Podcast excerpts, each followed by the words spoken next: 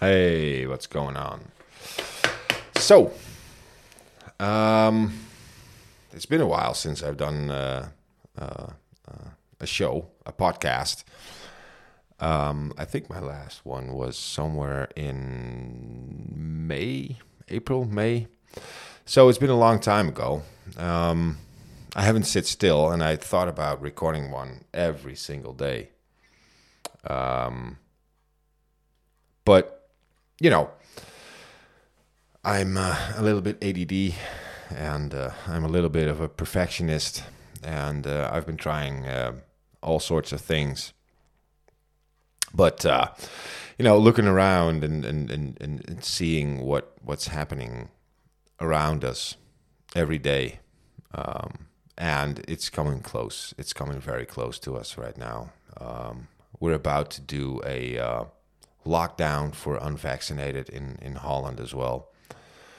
Um, and it's always a good thing to look around, you know, to see what, what you might expect.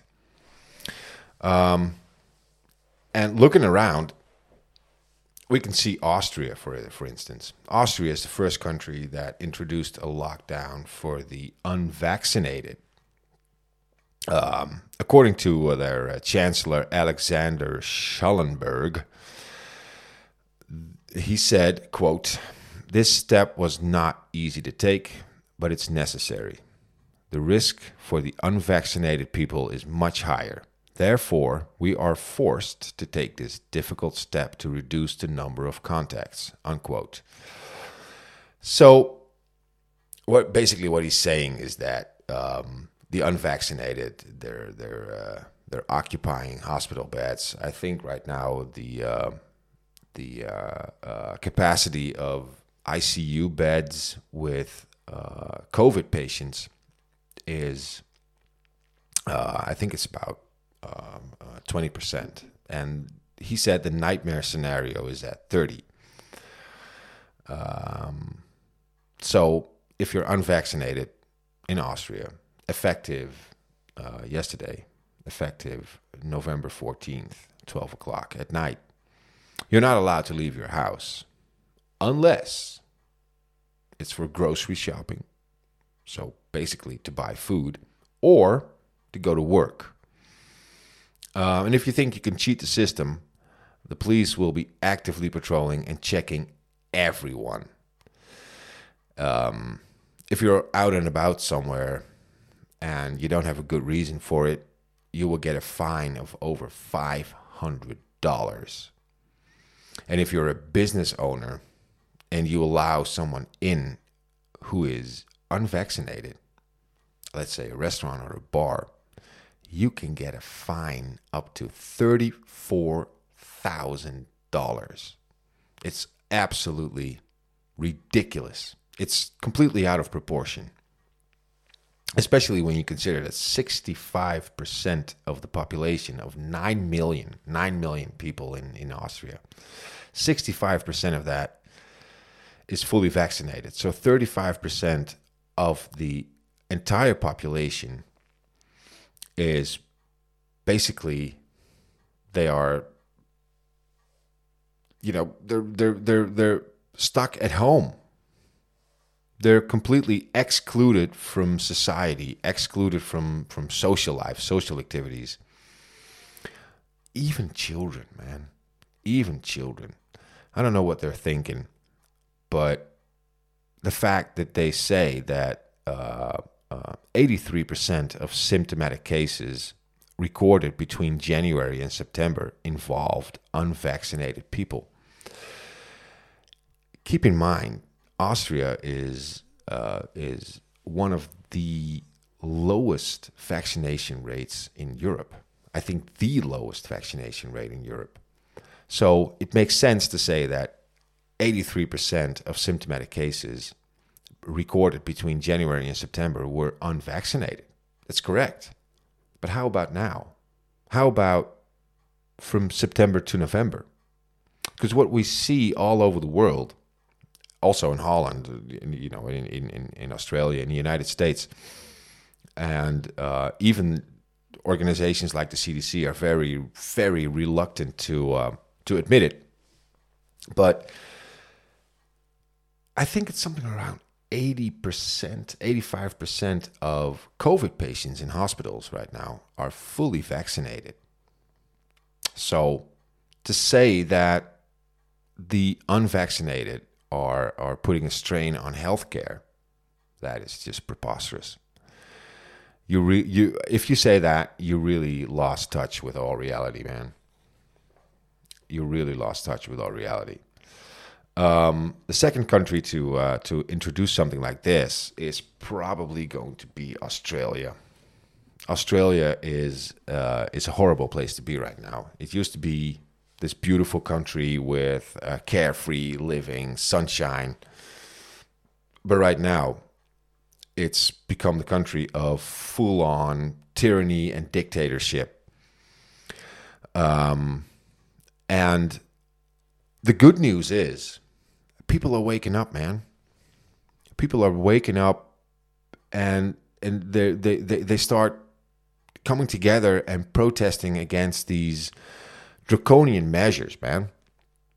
Because uh, in the Australian state of Victoria, uh, in the beautiful city of Melbourne, uh, people are demonstrating. Almost, well, not almost, every Saturday, they're out and about demonstrating against some horrible COVID law. Um, apparently, it's a it's a really controversial law which gives, uh, according to lawyers, it gives author- authorities too much power.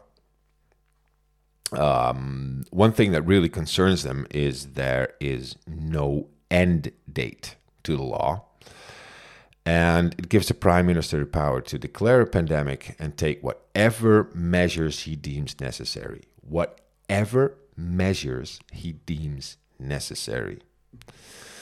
Violators face a fine of up to 90,000 Australian dollars. Or, if you can't pay, you can go to prison for up to two years. This incredible, stupid bill has already been approved by the House of Commons, and the Senate will vote on it next week. Like I said, there are large demonstrations, and I mean large demonstrations in Melbourne almost every week. Last Saturday, many tens of thousands of people, including children and the elderly, took the streets. They protested against the vaccination obligation and that new COVID law. There's a vaccination obligation, people. They're coming to your door. They're coming to your door and they're going to get you the vaccine, whether you like it or not.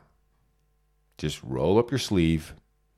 If you don't comply, you're going to go to jail and they're going to jab you anyway. There's no such thing as, um, how do you say that? The integrity of your own body. Your body, your choice? No. That doesn't exist in Australia anymore. That doesn't exist in that beautiful country with uh, filled with carefree people. It's your body, and the government decides. The government decides what's good for you. Um, one of those uh, members of parliament, uh, one of those people that that that was uh, protesting against this uh, this ridiculous law, was uh, a member of parliament, Craig Kelly, and he wrote that this he wrote on social media that this demonstration was aimed against tyranny, against dictators, against human right abusers, and against our oppressors. That is strong language, man. Now, the lockdown in Melbourne came to an end last month, and uh, the city's 5 million residents spent 262 days in lockdown. Can you imagine that? 262 days in lockdown since the start of the pandemic. No other city in the world has been in lockdown for so long. So I can imagine they're uh, they're going out and about and demonstrating against uh, tyranny. That's a good thing. It's a good thing that's happening. It's sad that it's that people need to do it, but it's a good thing that people are actually doing it. Um, Another good thing is that more and more doctors are speaking out against, uh, well, what we call 2G. Um, 2G, I, I, I, I let, let me explain what 2, 2G is. Um, 2G originates from Germany. Germany introduced originally the 3G system, which was um, vaccinated, cured, or tested. Right? G, 3G. Geimpft, genesen, getestet. Now, they've been adapting this uh, 3G system because they want to get rid of tested people, unvaccinated people, but they have they they they they tested. If you were in that 3G system, you would get a a, a, a, green check on your COVID pass. Now they want to get rid of tested because they want you to get vaccinated. So right now, what they're saying is 2G is getestet, geimpft, tested or vaccinated. Now, this is something that they're introducing all over Europe, and I'm guessing it's going to be in in in in, the United States really soon. Um, for us, it's going to happen in about three weeks, uh, probably December 4th, December 5th, I would say. Um, luckily, there are doctors that are saying things like um, it will do damage to individuals and our society, and it won't do much for us either. It's it's you know doctors are speaking up and they're saying, with evidence, with proof that the majority of COVID 19 patients in hospitals have been fully vaccinated. And the percentage of fully vaccinated COVID 19 patients is increasing every month. Um, it's, it's, you know, working with a system like that, you're really crossing a line. It's it's COVID and and all this uh, what I call fake news from the mainstream media and um, uh, governments, government and government agencies has created a lot of division in society because uh, we are all awake. We know that. Um, and they think that a lot of people are still asleep. And if they keep lying long enough, that eventually everyone's going to believe it. But that's not going to happen. And doctors that were silent for a long time are finally speaking up. And here's a, a, a, a here's a really nice quote from uh, a doctor she said that she knows that many, many in healthcare don't support this 2G proposal. But silence is also taking a position. Wow. Speak up or go along with it. So, there's more good news about this because the scientist, what's his name? I should have prepared this. Ah, that's his name. The scientist director at AstraZeneca. He, uh, his name is uh, Didier Meulendijks. He is science director at vaccine maker AstraZeneca. Um, and he's also concerned about this this this 2G approach. Um, he says, "quote The QR which is your COVID pass, right? You have a QR code. The QR and soon 2G society that is being rigged and with which people are excluded on a large scale on the basis of vaccination status is not only morally reprehensible, but also almost unsupportable scientifically. Unquote. He points out that the, uh, that the uh, COVID vaccines uh, will soon no longer have a relevant effect on the spread of the virus. This removes the justification for the proposed uh, uh, COVID Pass Society, in which people, including all children from the age of 12, are forced to vaccinate in order to participate in normal social life. The world is turning upside down.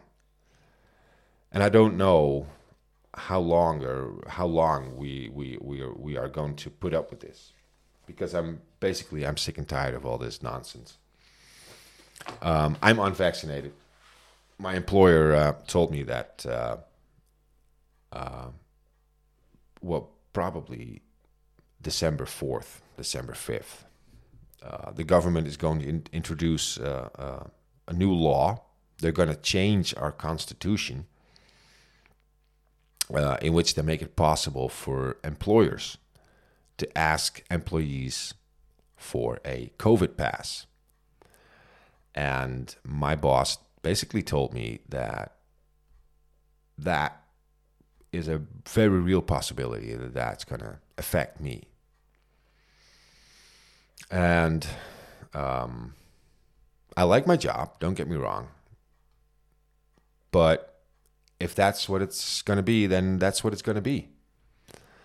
Uh, you know, maybe if I have enough people listening to my podcast, maybe I don't need a job anymore. Let's see. Let's see what happens. I don't know. Um, all I know is that we we have to raise our voices. We have to let ourselves be heard.